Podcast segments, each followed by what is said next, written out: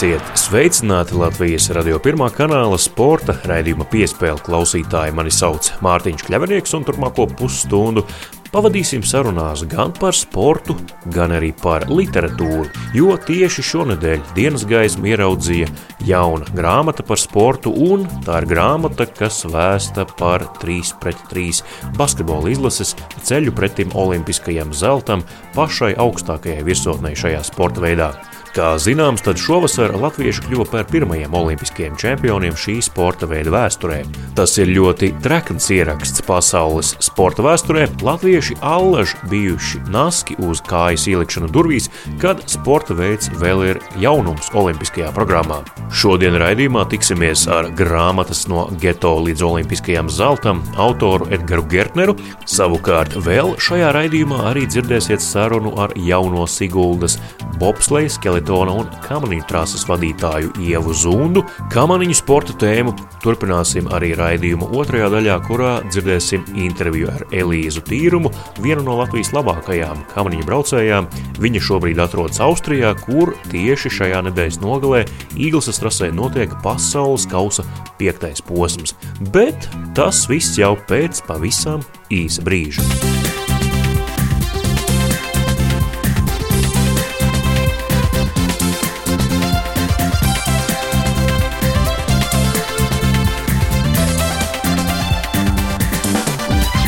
Tieši šonadēļ dienas gaismu ieraudzīja grāmata no geto līdz olimpiskajam zeltam. Tā stāsta par to, kā Agnis Čavers, Edgars Krūmiņš, Kārlis Pauls Lasmanis un Nauris Miezis veica savu garo un ērkšķaino ceļu pretim olimpiskajam zeltam, beigu beigās šī gada jūlijā to Tokijā arī godpilni izcīnot. Grāmata nākusi klajā izdevniecībā Jumava, kuras vadītājs Juris Visvolskis arī ir cieši saistīts ar basketbolu. Savukārt viens no idejas autoriem ir Geto Games kustības dibinātājs un līderis Raimons Elbakjans. Kā Elbakjans pastāstīja grāmatas atklāšanas pasākumā, tad pirmā saruna ar Juri Visvolski viņam bijusi jau uzreiz pēc tam, kad latvieši kļuva par olimpiskajiem čempioniem. Tas varēja būt aptuveni 3. vai 4. augustā. Geto Games kustības līderis uzrunāja Edgars Gertneru kļūt par šīs grāmatas autoru, kam Edgars uzreiz arī esot piekritis. Viņš ir arī viens no tiem cilvēkiem, kurš pirms diviem gadiem par šiem pašiem puišiem veidoja dokumentālo filmu no geto uz olimpiādi. Tobrīd sapnis par olimpisko zeltu bija vien kaut kur mākoņos un puišu galvās, tagad tas kļūst par realitāti. Raidījuma piespēle turpinājumā saruna ar grāmatas no geto līdz olimpiskajam zeltam autoru Edgars Gertneru sporta raidījums piespēlē. Ieradies uh, geto grāmatas atklāšanas pasākumā, un grāmatas autors Edgars Gertners, uh, laikam hip-hopa pazinēja zināms kā Edgars Sniegs? Ir, Jā. ir mans sarunbiedrs šobrīd, Edgars, cik ilgi tapa šis gara darbs? Grāmata tapa īstenībā diezgan lielā sprintā, līdzīgi kā ir uh, pati spēle. Aptuveni mēnesis ar astīti bija viss tas darbs ar intervijām un, un pašu rakstīšanu, bet jāpiebilst, ka es arī taisīju par viņiem dokumentālo filmu 19. gadā un arī diezgan daudz esmu vadījis pasākumus eh, tieši basītī, tāpēc eh, viņi man nebija sveši. Teikt, no nulles tas nebija. Un jūs arī zinājāt tos aizkulisku stāstus, un jau uzreiz galvā droši vien salikāt pa plauktiņiem, kas varētu būt interesants lasītājiem no tā visa aizkulisku darba. Aizkulises ir gana daudz grāmatā pieminēts, bet varbūt tās nav tās aizkulises, kas nesen tika plaši apspriestas. Jo man šķiet, ka tā skatuve jādod pašiem džekiem, nevis eh, tiem, kas negribēja, lai viņiem izdodas. Bet arī par to ir stāsts. Eh, interesanti būs pirms meitenēm uzzināt, ko nozīmē būt basketbolists sievai vai draudzenei. Interesanti būs eh, uzzināt to, kā gāja trenerim Feldmanim Amerikā. Viņš ir stažējies arī NBA, kādi viņam ir bijuši piedzīvojumi ar nelaiķa galdiem un kā viņu tur pamanīja, bet, piemēram, Maināra Bagatska nepamanīja. Bet, principā, šī grāmata ir ļoti daudz tādu personīgu stāstu no sportistu dzīves Izlasot šīs epizodes, katrs var paņemt sev kādu atziņu, kā rīkoties kādās grūtās situācijās. Mums Latvijas radio pirmajā kanālā arī ziņu dienestā tāda rubrika, un gada noslēgumā parasti ir cilvēks ziņu virsrakstos. Šogad izvēlējāmies Oskaru Urbanoviču kā cilvēku ziņu virsrakstos, jo viņš palika tomēr tur kaut kur starp virsrakstiem, gribējās izcelt, bet viņš neatklāja, kas tajā sapulcī klausītāji tur Tokijā notika, vai grāmatā būs tomēr atklāts, kas tur notika? Ko viņš pateica? Nu, jums ir jāizlasa uh, grāmata, lai uzzinātu, vai šīs sapulces noslēpums ir atklāts. To es jums šobrīd nevaru pateikt. Vai tiešām tā bija, ka ieslēdzāties pusotru mēnesi Grūzijā mājā un principā tikai to vien darījāt, kā strādājāt pie grāmatas? Būtībā jā, būtībā jā tā arī šis laiks pagāja. Un, un ļoti labi, ka šobrīd var strādāt attālināti. Un, un nebija viegli arī džekus šajā teikt, grūtajā viņiem grafikā noķert, bet liels paldies, ka viņi atsaucās. Un, un jā, visu cieņu. Šis stāsts notiek reizes simts gados. Un, Un tas mums katram, kā latvietim, arī kā tautai, ir ļoti, ļoti nozīmīgs. Cik liels metiens grāmatai un kur tā ir pieejama? Grāmatas tirāža ir 5000, un grāmata ir nopērkama geto shopā. Tas jums jāraksta Google, geto shopu noteikti izmetīsies ārā, bet grāmata ir nopērkama Jumavas grāmatnīcās un, protams, arī citās grāmatnīcās visā Latvijā. Paldies! Meklējam un lasām! Paldies un lēms veids! Tie, kas skrien, tie arī ātrāk tiek pēc tam pa karjeras kāpnēm uz augšu. Tā kā ir jāskrien. Tad, kad es biju maziņš, tukumā, es metu šīs maigas, ar ko piesien cūpums. Turpina skanēt Latvijas radio pirmā kanāla sporta raidījums piespēle studijā Mārtiņš Kļavinieks. Pagājušajā nedēļā par bobsleju un kamaniņu trases Sigulda valdes priekšsēdētāju kļuva Ieva Zunda. Zunda ir bijusī sprintere un arī barjeras sprintere, divu olimpisko spēļu dalībniece, bet šogad viņa tika ievēlēta arī Latvijas Vieglatlētikas Savienības valdē. Zunda kopš 2017. gada ir citas valsts kapitāla sabiedrības sporta centra Meža parks valdes locekle, bet no šī gada 29. jūnija līdz 11. decembrim bija arī tenisa centra Lielupe valdes locekle. Kā zināms, Izglītības un zinātnes ministrija ir izstrādājusi četru nacionālo sporta bāzu reorganizācijas plānu, paredzot tās apvienot un izveidot vienu kapitāla sabiedrību Latvijas Nacionālo sporta centru. Ministrijas ieskatā jaunais pārvaldības modelis ļaus sakārtot Latvijas sporta bāzu saimniecību, attīstot to jaunā kapacitātē. Pagaidām gan vēl apvienošana zem viena jumta nav notikusi, taču ministrija pie tā aktīvi strādājot. Līdz tam bobsleja un kamniņu trasi Siguldā vadīs tieši Ieva Zunda. Kā viņa jūtas jaunajā amatā un kas būs viņas pirmie darāmie darbi, par to sarunājos ar Ievu Zundu. Latvijas radio pirmā kanāla sporta raidījums piespēle turpinās. Studijā Mārtiņš Kļavinieks un turpinājumā parunāsim par bobsleja un kamaniņu, protams, arī skeletonu trasi Siguldā. Jauna vadītāja ir šai trasei, ja iepriekšējo gadu šo trasi vadīja Daniels Nātriņš, kurš vada arī Daugavas stadionu, tad um, iepriekšēji vēl pirms viņa, protams, Dainis Dukurs ļoti ilgus gadus, tad tagad amatā stājusies Ieva Zunda, ko droši vien daudz radio klausītāji atpazīst vēl no vieglatlētikas Amerikas stadioniem un uh, laika, kad viņa vēl bija tur aktīva sportiste un arī kā olimpieta bijušo, bet nu jau vairākus gadus Ieva ir uh, valsts sporta pārvaldes uh, sadaļā. Par to arī noteikti parunāsim šīs sarunas laikā. Sveiki, Ieva! Sveiki! Jauns izaicinājums, acīm redzot, karjerā vadīta bobsleja un kamniņu trasi Siguldā. Kā tas vispār nonāca līdz tam, ka esat iecelt šajā amatā un devusi pati tam piekrišanu? Ilgi domājāt vai piekrist? Nu, tā tas ir noticis, un uh, man jau patīk dzīvē pieņemt izaicinājumus. Kāpēc es esmu piekritusi, ir saistīts ar to, ka Izglītības zinātnes ministrija, kur ir īpašniece gan šai bāzei, kas ir arī pie reizes sijā, tāpat kā Daugaus stadiona, tenisa centram Lielupa un sporta centrs Mežaparis, kuras šobrīd strādāja kā valdes locekle, ja bez valdes locekles amatā, ir plānots apvienot. Un tā kā jau minējāt, Dainis Dukurs pērn atstāja šo amatu, un tad tika iecelts pagaidu valdes loceklis Daniels Nātriņš, kurš šos pienākumus varēja pildīt īslaicīgi. Savukārt es vasarā uzņēmos tenisa centra lielu pienākumu pildīšanu arī īslaicīgi.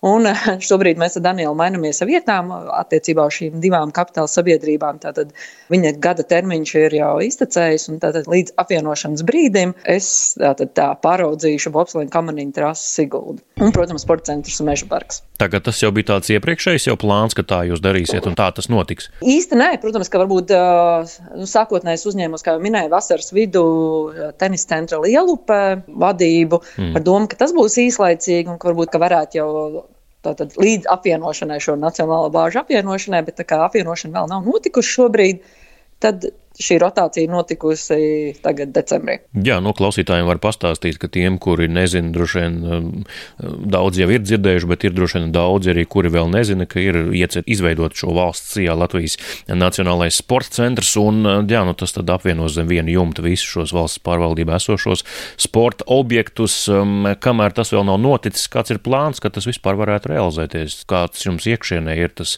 termiņš šobrīd noteikts. Cik man ir informācija, tad uh, jau pašā gada sākumā Izglītības zinātnes ministrija plāno doties pie valdības un lūgt apstiprināt tātad šo plānu. Un, ja tas apstiprinājums tiks saņemts, tā, nu, tad jau droši vien paliek tā formalitāte vairāk, nu, nezinu, trīs mēneši līdz varbūt pusgads. Nu, droši vien tāds, esot realistiskāk, tas varētu būt pusgads, kad šī apvienošana notiks tad tas varētu būt arī jūsu termiņš pie uh, trases stūres. Jā. Tā, mm. Jā. Ko pārņemt no Daniela un kas ir tie aktuālie darāmie darbi trasē šobrīd? Nu, skaidrs, ka tur uh, notiek, šonadēļ notika sacensības skeletonā mm, starp kontinentālais kauss un uh, tāpat arī vēl citas kategorijas sacensības. Jā, gada nogalē būs. Gada nogalē vēl būs, jā, bobslejs un tad arī, protams, kamanas pašā gada sākumā. Tāds darbīgs laiks, kad ielicat šajā vilcienā. Jā, nu tā tas sanāca, protams, tas ir papildus izaicinājums jautājums. Bet cik es esmu dzirdējusi, un arī jau esmu iepazinusi, Siguldas bobslēņu kamaniņu trasē ir ļoti laba komanda un cilvēku komanda, kas šos pasākumus ir norganizējuši līdz šim. Manuprāt, ļoti jāuzsver ir jā, Inga Reiniņa, kur ir izpildu direktore. Jau no pirmās tikšanās es jūtu, cik viņa ir jaudīgs cilvēks un enerģisks cilvēks, kas, nu, tiešām, manuprāt, tiešām daudz gadu garumā ir pierādījis, ka Bob Trāsa spēja strādāt efektīvi un veiksmīgi novadīt šādus starptautiska līmeņa pasākumus. Paļaujos, protams, ka arī tas tiks nu, darīts tagad.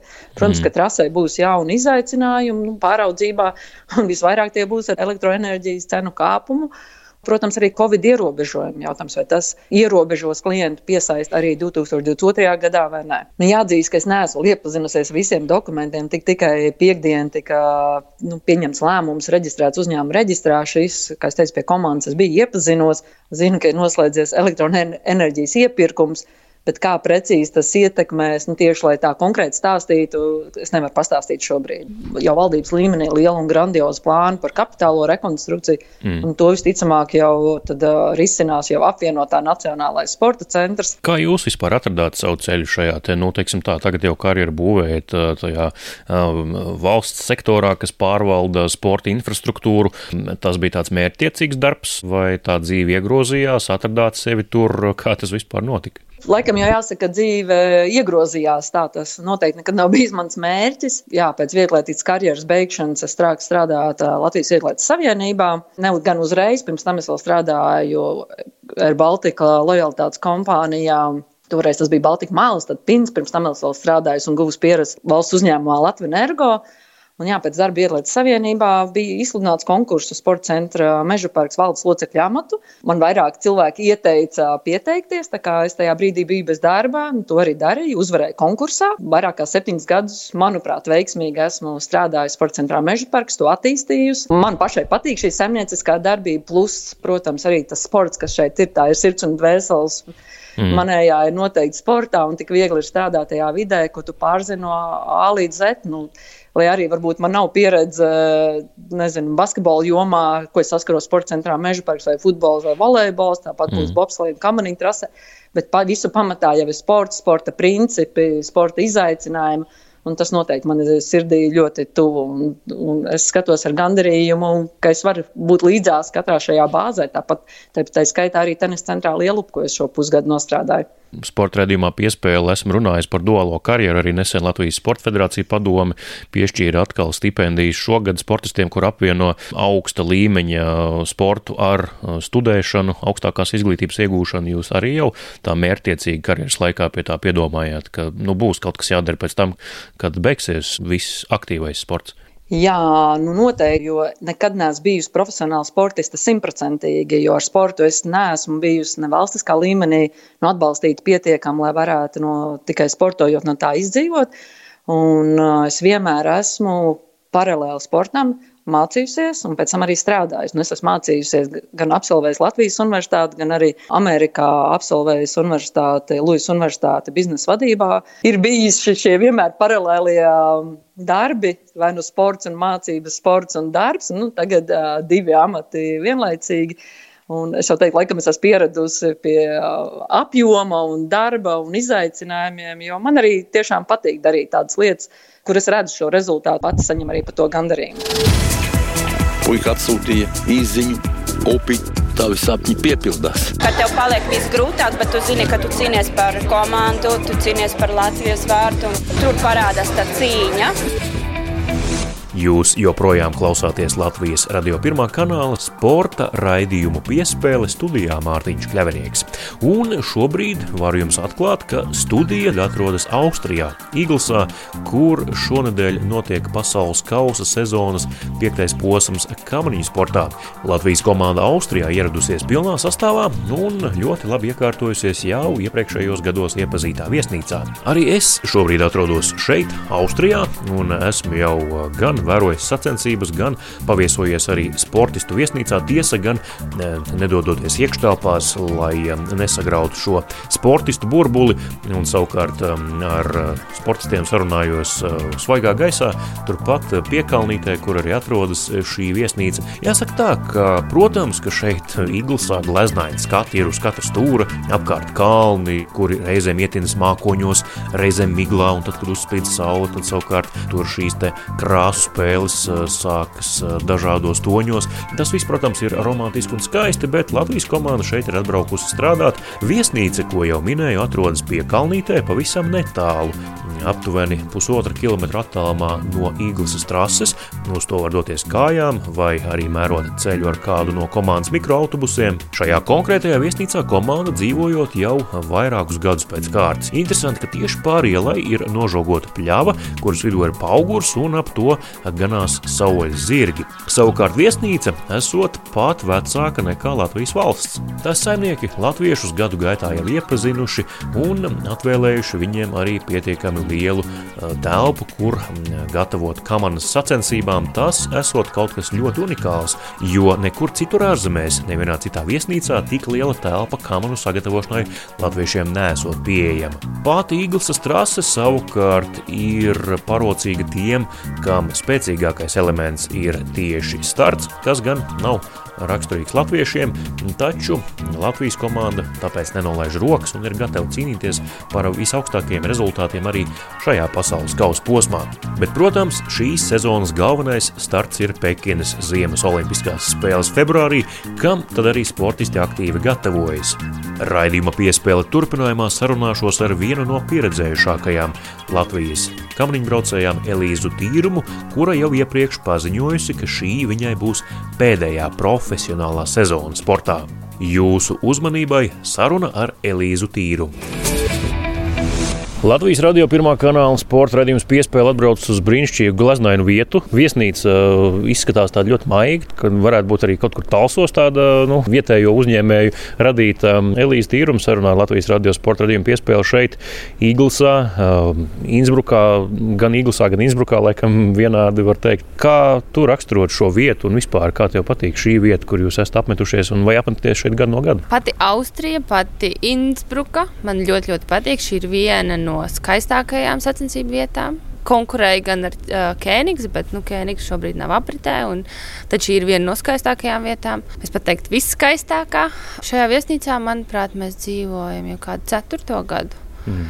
Te jūtamies mājīgi, arī saimnieki ir ļoti pretīm nākoši. Visu, ko mums vajag, putekļi sūcēji un visu vispārējo. Viņi ir gatavi vienmēr palīdzēt un uzklausīt arī mūsu ēšanas specifikas. Jo, kad mēs pajautājam, mums ir izveidojusies laba sadarbība ar šiem. Mm. Un vienmēr šeit ir prieks atgriezties. Jā, nu mūsu skats šobrīd vērsts tieši uz to māju, kas ir pakalnē piekājai. Savukārt otrā pusē pavirzoties, tur ir uh, zirgi. Tādā arī tādā pauguriņā, kalniņā. Tie zirgi tur katru gadu ir. Jā, varbūt viņi paliek vairāk vai mazāk, to gan mēs neesam ievērojuši, bet nu jā, zirgus mēs uh, redzam katru gadu. Un par šo viesnīcu runājot, uh, mēs tieši šogad pie brokastīm domājam, cik veca viņi ir. Un šī viesnīca ir celta 1916. gadā. Mm, redz, kā. Šī viesnīca ir senāka nekā Latvijas valsts. Jā. Es arī dzīvoju līdzīgā, tepat uh, divus kilometrus attālumā viesnīciņā. Tur arī ģimene, laikam, saimnieku arī tāda veclaicīga ēka, bet rada mājas sajūta arī Austrijā. Jā, arī šeit, tajā pusē, kur mēs dzīvojam, viesnīca sadalīta divās daļās. Tajā, kurā mēs dzīvojam, ir modernāka, bet tomēr vēl arī tās visas vecās mēbeles. Tad tajā otrā pusē, ko mēs saucam par spoku pusi, mm. tur ir viņa daudz autentiskāka, daudz vecāka.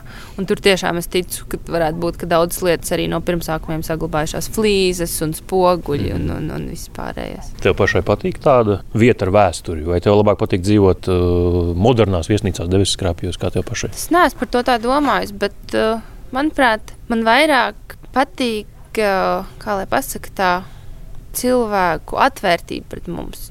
Ja tu dzīvotu superglaunā viesnīcā un tie īpašnieki būtu tādi bubuļi, es domāju, ka es nejustos īpaši labi. Mm. Tas ir atkarīgs no atmosfēras, kas tajā valda. Un šeit es jūtos ļoti labi sacensībām uh, un trasē vēl pievērsīsimies, un arī sezonas gaitai. Uh, šeit pie viesnīcas stāv arī divi mikroautobusi, viens Kamerīnas Sporta federācijas, otrs brāļu Šīcu. Tā vismaz vēsta nu, uzlīmes uz, uz šīm automašīnām. Jums tās ceļš tāds, jā, nu, Soči, Vācija.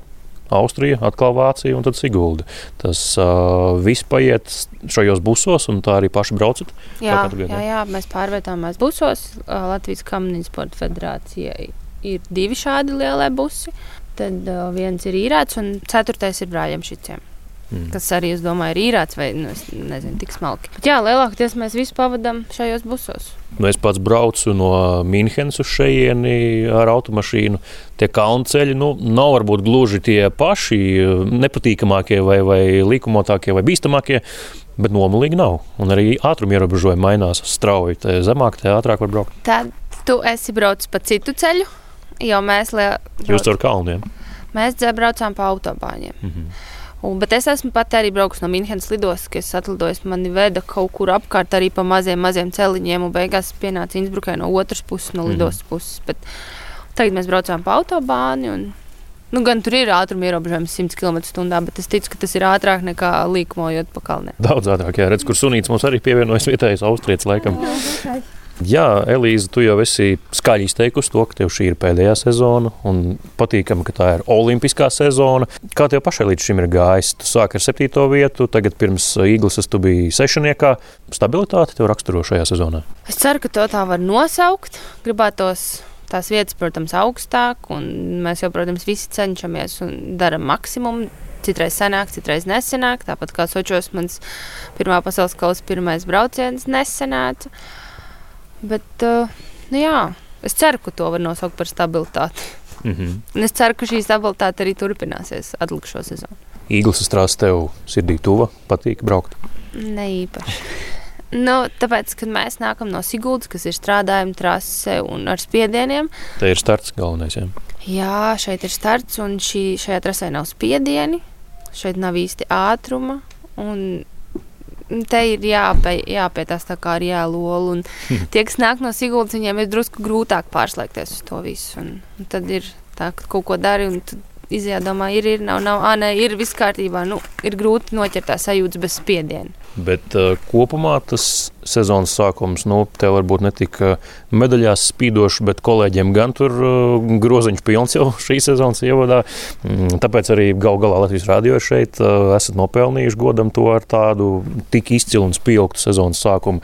Bet kā tu raksturot? Nu, tu jūti, ka arī pārējie ir atraduši kaut kādu uzķēruši to nervu, katrs savā komandas iekšienē, divnieku iekšienē tas ir vai individuāli. Jā, es domāju, ka arī tehnikā šogad mūsu mehāniķi un treneri ļoti labi pastrādājuši, ka viņi ir atraduši mums komandas. Lielos vilcienos visiem ir, ir vienādas, vienādi ātras, tikai kā nu kurš kurā situācijā prot pielāgoties. Un, un, un, protams, arī katrā trasē mēs mēģinām kaut ko ātrāku, kaut ko pamainīt spe, trases specifikai. Tas ir treneru mehāniķi ir izdarījuši ļoti, ļoti lielu darbu, un atliek tikai mums, sportistiem, pielāgoties, iemācīties. Un, un, Un es domāju, ka jebkurš no mūsu komandas nobraucot divus stabilus braucienus, būs arī ļoti labi vieta un būs arī ātri. Mm. Mēs esam, paldies Dievam, beidzot līdz tam nonākuši, ka ar diviem labiem braucieniem mums arī ir rezultāts. Ja agrāk mēs varējām teikt, ka ir divi labi braucieni un mēs neesam nekur, labākajā gadījumā desmitniekā, tad tagad, ja ir divi labi braucieni, tad var cerēt uz ļoti, ļoti labu rezultātu. Kā tu pat jūti, nav tā, ka, nu, piemēram, vācieši tojoties Pekinai uzspiedīs uz gāzes pedāļu un tur varbūt mainīsies kaut kāda spēka samēri, vai tomēr tik tiešām jūs esat kaut ko tādu, Mārtiņš droši vien izķīmiķojas savā laboratorijā ar kaut ko tādu, kas tik tiešām ļoti labi strādā un citi nevar to uh, apsteigt? Es domāju, kad visas valstis arī Olimpiskajā sezonā iet uz maksimumu, nebūs tā, ka viņi pēdējā brīdī izņems kaut ko, kas ir super ātrs. Jo visiem tomēr ir jāizmēģina, un visiem ir jānotestē. Un kad gan citu reizi tu vari notestēt, ja nesatniecību režīmā. Jo treniņos īsti tu vari notestēt braukšanu, kā, kā stūrēt ar to attiecīgo ekipējumu, bet cik ātri vai lēni tu nekad nevari zināt. Jo vienam ir nolīmēta vairāk kā man, kādam ir siltāks slidis, un sacensību režīmā tu to vari saprast. Mm un, jā, un no, es ticu, ka arī Ķīnā mēs visi būsim tikpat vienlīdzīgi, bet Ķīna ir, nevarā, ir piņķerīga, nevarētu teikt, ļoti, ļoti grūta, bet tur ir grū, līdzīgi kā šeit, jāprot atrast vietas, kur tu vari atrast laiku. Izbraukt viņu varbūt nav tik sarežģīti, bet uh, tās konkrētās vietas izbraukt pareizi, būtu labāks ātrums un labāk laiki. Tas mums vēl, es ticu, ka mums vēl ir bijis jāpameklē. Tas tas princips, kā tā trasta tika uzbūvēta, nu, atceroties Vankūveru, kur bija nu, saķer galvu, kā lai tiek līdz lejai, un, un centra bēdas tik liela un spiedieni tik milzīgi. Tad šeit, lai visi var nobraukt, bet labāk jāatrod tos atslēgas vietas un uh, var izcīnīt to, to augstāko vietu. Jā, jā, tur ir spirāli vēl aplis, kuras domāju, ka tu vari iegūt ļoti daudz laika. Tur ir jābūt precīzam, jāskatās viss ieejas, izējas, lai nekur neizslīd, lai tu nekur virāžā neieduries. Tur ir jālasa kā, ātrums un laiks katrā virāžā. Mm. Protams, lejā tur ir piņķīga vieta pēc 13. kur ir daļai kā laimes spēle. Jo citreiz tur samet šķērsām un pat nesaproti, ko tu izdarīji savādāk. Mm. Bet līdz tam, lai tu dabūtu laiku, tur ir jāpacīnās. Un personīgi runājot par sevi, man vēl ir jāapmeklē vietas, kuras varētu iegūt labāku laiku. Tas, ka Siguldā uzreiz pēc jaunā gada posmas, tas latviešiem nāk par labu. Jā, tā ir. Um, tas iet arī Olimpiskajā kvalifikācijā.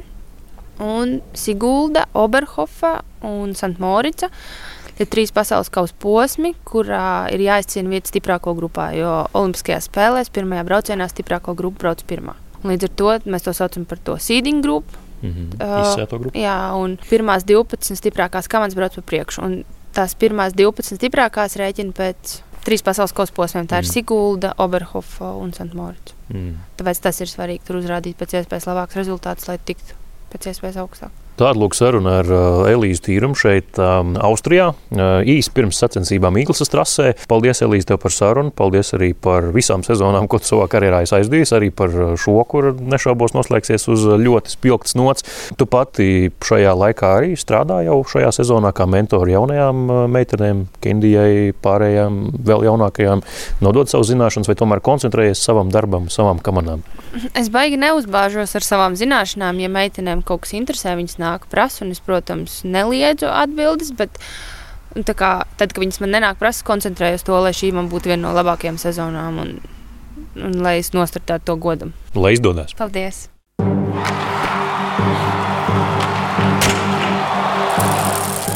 Līdz ar to arī izskan Latvijas radio pirmā kanāla sporta raidījums piespēle. To veidoju un vadīju es, Mārtiņš Kļavnieks, par labskaņu, kā vienmēr parūpējās Nora Mītspapa. Uz sadzirdēšanos jau pēc nedēļas.